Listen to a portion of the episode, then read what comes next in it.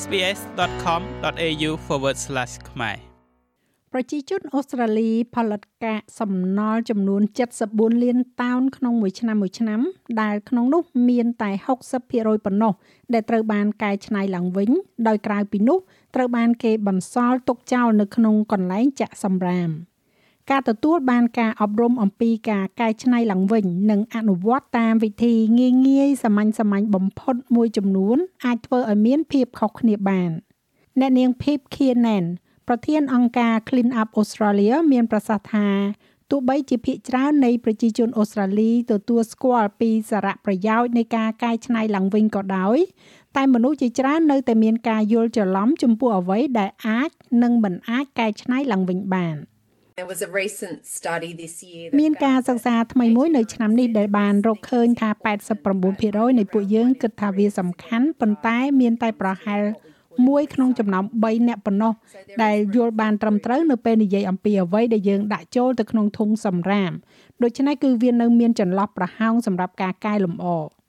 ការដាក់របស់ខុសទៅក្នុងធុងសម្រាមឬក៏ច្រកនៅក្នុងថង់ជាមួយគ្នាអាចបំពុលដល់កាកសំណល់ដែលអាចកែច្នៃឡើងវិញដទៃទៀតបានដោយសារតែវាត្រូវបញ្ជូនសម្រាមនៅក្នុងធុងទាំងមូលនោះទៅកន្លែងចាក់សម្រាមជំនួសវិញ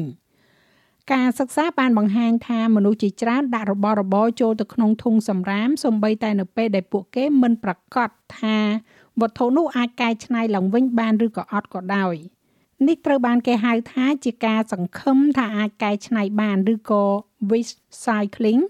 ហើយវាគឺជាផ្នែកមួយនៃការរួមចំណែកដ៏សំខាន់នៅក្នុងការបំពុលរបស់ផ្សេងទៀត។ The common mistakes we make are things កំហុសឆ្គងទូទៅដែលយើងធ្វើនោះគឺរបស់របរដែលយើងគិតថាអូខ្ញុំសង្ឃឹមថាវាអាចកែច្នៃឡើងវិញបានខ្ញុំនឹងដាក់វាចូលទៅដូច្នេះរបស់របរដូចជាក្រដាសអនាម័យក្រដាសប្រើក្នុងផ្ទះបាយ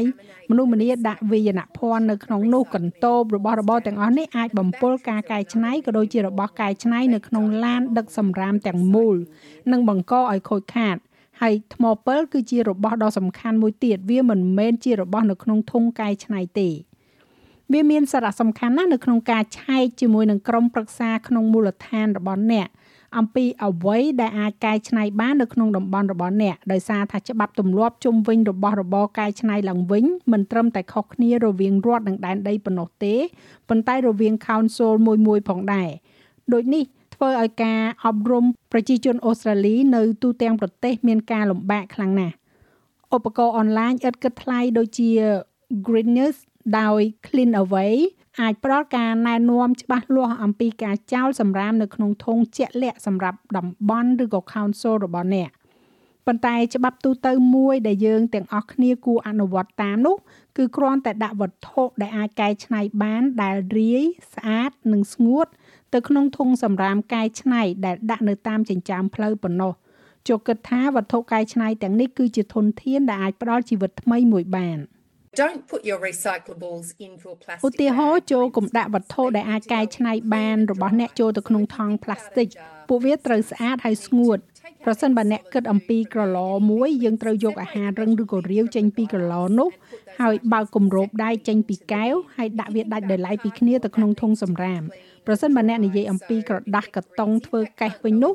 នោះវាត្រូវតែស្អាតនិងស្ងួតដូច្នេះប្រសិនបើវាប្រឡាក់ខ្លាញ់វាមិនអាចដាក់ចូលទៅក្នុងធុងសម្រាមកែច្នៃឡើងវិញបានទេចាំបាច់ត្រូវដាក់វាចូលទៅក្នុងធុងសម្រាមទូទៅដូច្នេះតែយើងធ្វើដោយម្ដេចទើបដឹងថាវត្ថុមួយអាចកែច្នៃឡើងវិញបាន ការដាក់ស្លាកវត្ថុកែច្នៃឡើងវិញរបស់អូស្ត្រាលីហៅកាត់ថា ARL ត្រូវបានណែនាំនៅក្នុងឆ្នាំ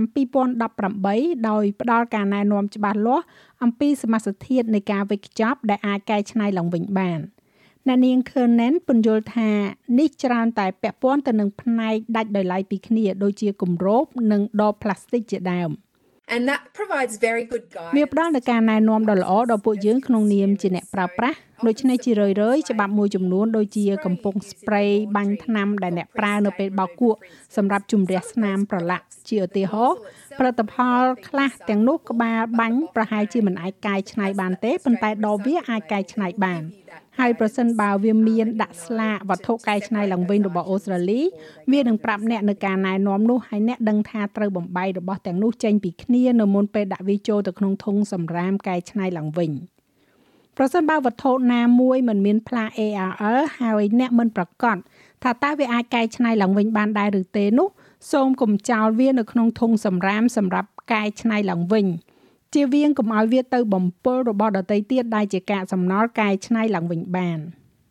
ខណៈពេលដែលវត្ថុដូចជាផ្លាស្ទិកទុនមិនអាចកែច្នៃឡើងវិញបានតាមរយៈធុងសម្រាមកែច្នៃនៅតាមចិញ្ចើមផ្លូវរបស់អ្នកនោះទេ តែទោះជាយ៉ាងណាក៏ដោយពួកវាអាចកែច្នៃឡើងវិញបានប៉ុន្តែដើម្បីកែច្នៃឡើងវិញនោះអ្នកត្រូវតែយកវាទៅទម្លាក់ចោលនៅកន្លែងដែលគេបានកំណត់ទុកនៅទូទាំងប្រទេស Red Cycle បាននឹងកំពុងផ្ដល់មធ្យោបាយដើម្បីកែច្នៃនិងប្រើប្រាស់ឡើងវិញនៅថង់ផ្លាស្ទិកទុនទុនអស់រយៈពេលជាង1ទសវត្សរ៍មកហើយវាមានទីតាំងទម្លាក់ចោលជាង1900កន្លែងនៅទូទាំងប្រទេសរាប់ទាំងក្នុងផ្សារទំនើបធំៗទាំងអស់ផងដែរ។ លោកស្រី Rebecca Gleghorn គឺជាអ្នកគ្រប់គ្រងទីផ្សារនិងទំនាក់ទំនងនៅ Red Group 4 million pieces of soft plastic are returned ថង់ផ្លាស្ទិកទុនទុនចំនួន4លានចំណែកត្រូវបានទម្លាក់ចូលទៅក្នុងធុងសម្រាម Red Cycle ជារៀងរាល់ថ្ងៃជាមធ្យមរបស់យើងគឺ4ក្រាមដូច្នេះហើយនោះគឺជាថង់ផ្លាស្ទិកទុនចំនួន16000គីឡូក្រាមដែលបានរក្សាទុក និងបង្វែរចេញពីកន្លែងចាក់សម្រាមជារៀងរាល់ថ្ងៃនៅទូទាំងប្រទេស ហើយវាកំពុងតែកើនឡើង វាបានកើនឡើងជាង2%ក្នុងឆ្នាំហិរញ្ញវត្ថុ2020ដល់2021នេះ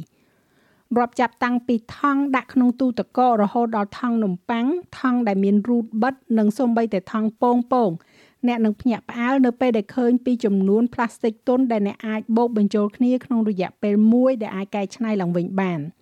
ទោះជាយ៉ាងណាក៏ដោយមានករណីលើកលែងខ្លះហើយក៏ដូចជារបស់កែច្នៃឡើងវិញនានានៅក្នុងប្រទេសអូស្ត្រាលីដែរយើងគួរតែពិនិត្យមើល ARL ជានិច្ច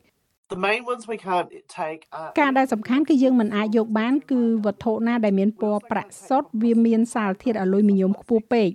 ហើយយើងក៏មិនអាចយកផ្លាស្ទិកទុនដែលអាចបំផ្លែងជីជីនិងអាចរលួយស្អុយបានដែរហេតុផលគឺថាពួកវាមានសារធាតុបន្ថែមនៅក្នុងនោះដែលរចនាឡើងក្នុងចេតនាដើម្បីបំបីការវេចខ្ចប់ពិសេសនោះឥឡូវនេះអ្នកអាចស្រមៃបានថាប្រសិនបើយើងព្យាយាមប្រើផ្លាស្ទិកប្រភេទនោះដែលមានសារធាតុបន្ថែមនៅក្នុងនោះនៅក្នុងផលិតផលដូចជាកៅអីអង្គុយឬក៏បង្គោលឬក៏របស់អ្វីមួយនោះវានឹងនៅតែរលួយខូចដដែល។ ផ្លាស្ទិកទុនទាំងនេះត្រូវបានកែច្នៃនិងបញ្ជូនទៅកាន់ដៃគូផលិតដើម្បីប្រែក្លាយទៅជារបង គ្រឿងសង្ហារឹមហេដ្ឋារចនាសម្ព័ន្ធផ្លូវថ្នល់មួយចំនួនឡា Council ក៏អាចមានថ្ងៃកំណត់ដើម្បីប្រមូលយកកាកសំណល់ពីក្រុមគ្រួសារផ្សេងទៀតដែលមិនអាចកែច្នៃឡើងវិញបានដូចជាកាកសំណល់អេເລັກត្រូនិក e-waste ទំនិញពណ៌សនិងកាំរស្មី X ពួកគេក៏អាចប្រមូលសារធាតុគីមីនិងថ្មពិលដែលមានគ្រោះថ្នាក់សម្រាប់ការបោះចោលប្រកបដោយសុវត្ថិភាពផងដែរខណៈពេលដែលការបំលែងកាកសំណល់ទៅជាអ្វីថ្មី មានឥទ្ធិពលវិជ្ជមានទៅលើបរិស្ថាន វាមិនផ្លាស់ប្ដូរការពិតដែលថាយើងនៅតែផលិតនិងប្រើប្រាស់ផលិតផលយ៉ាងច្រើនសន្ធឹកសន្ធាប់នោះទេ ឥឡូវនេះមាននិន្នាការកើនឡើងនៅជុំវិញពិភពលោករួមទាំងប្រទេសអូស្ត្រាលីដែលមានមនុស្សម្នាចែករំលែកនិងទទួលរបស់របរប្រើប្រាស់ដោយឥតគិតថ្លៃដើម្បីយកមកប្រើប្រាស់ឡើងវិញនិងកែច្នៃឡើងវិញគម្រោងការមិនទិញអ្វី Buy Nothing Project បានចាប់ផ្ដើមនៅសហរដ្ឋអាមេរិកក្នុងឆ្នាំ2013ហើយបានផ្ទុះឡើងនៅជុំវិញពិភពលោកចាប់តាំងពីពេលនោះមក លោកស្រី Liu McGuinness ដែលគ្រប់គ្រងគម្រោង Buy Nothing Project យ៉ាងទូលំទូលាយនៅក្នុងសង្កាត់ Hills នៃទីក្រុង Sydney និយាយថាមនុស្សចាប់ផ្ដើមសួរសំណួរអំពីប្រភពធនធានរបស់ពួកគេនិងកន្លែងដែលគេបញ្ជូនវាទៅ We've stopped thinking about the red bin as being a magical យើងបានឈប់គិតអំពីធុងសម្រាមក្រហម red bin ថាជាប្រព័ន្ធវេទមន្តដែលយើងអាចដាក់អ្វីអ្វីដោយគ្មានកង្វល់ហើយពួកវាក៏រលាយបាត់ទៅ ជាច្រើនទសវត្សរ៍និងការពិតដែលថាពួកវានៅតែនៅកន្លែងណាមួយដែលរលួយបន្តិចម្ដងបន្តិចម្ដងហើយខ្ញុំគិតថាមនុស្សម្នាមិនចង់រួមចំណែកក្នុងការខ្ជះខ្ជាយតាមរបៀបដែលពួកគេមានជាប្រវត្តិសាស្ត្រទេរាប់ចាប់តាំងពីប្រដាប់ប្រដាក្មេងលេងដែលកុមារធំធាត់ឡើងឈប់លេងតទៅទៀតរហូតដល់របស់របរដែលទុកចោលនៅក្នុងទូខោអាវរបស់អ្នកវត្ថុផ្សេងផ្សេងទៀតត្រូវបានចែករំលែកនិងទទួលបាននៅក្នុងក្រុមនេះជារៀងរាល់ថ្ងៃ។ ច្បាប់ជាមូលដ្ឋាននិយាយថាអ្វីក៏ដោយដែលស្របច្បាប់អាចផ្ដល់ជាអំណោយបាន ហើយយើងពិតជាបានឃើញរបស់ដ៏វិសេសវិសាលនៃវត្ថុដែលត្រូវបានផ្ដល់ជាអំណោយរាប់ចាប់តាំងពីអាហារគ្រឿងសង្ហារឹមនៅក្នុងប្រអប់រហូតដល់ទំនិញអគិសនីជជុះហើយវាពិតជាមិនធម្មតាទេរបស់របរដែលពេញនិយមខ្លាំងមានដូចជាប្រអប់ដាក់អីវ៉ាន់ពេលរើផ្ទះ ប្រដាប់កាត់ដើមឈើរបស់របរដែលមិនមានតម្លៃថ្លៃគឺជារបស់ដែលមនុស្សតែងតែរីករាយនៅក្នុងការផ្ដល់ឲ្យនិងទទួលយកការប្រើប្រាស់ឡើងវិញនិងការរៀបចំឡើងវិញមានផលប៉ះពាល់រយៈពេលវែងវិជ្ជមានទៅលើបរិស្ថាន វាក៏ពង្រឹងសហគមន៍ឲ្យកាន់តែរឹងមាំផងដែរ when you're the beneficiary of someone's នៅពេលដែលអ្នកទទួលបានផលប្រយោជន៍ពីសេចក្តីសប្បុរសរបស់អ្នកណាម្នាក់នៅលើអ៊ីនធឺណិតដែលអ្នកមិនស្គាល់ដែលមិនមានផលប្រយោជន៍នៅក្នុងជីវិតរបស់អ្នកដែលមិនដឹងអ្វីទាំងអស់ពីកលៈទេសៈរបស់អ្នកគឺសុកចិត្តផ្ដល់ឲ្យអ្នកនៅអ្វីមួយដោយគ្មានសម្លឹងឃើញអ្វីតបស្នងនោះខ្ញុំគិតថាវាជារឿងវិជ្ជមាន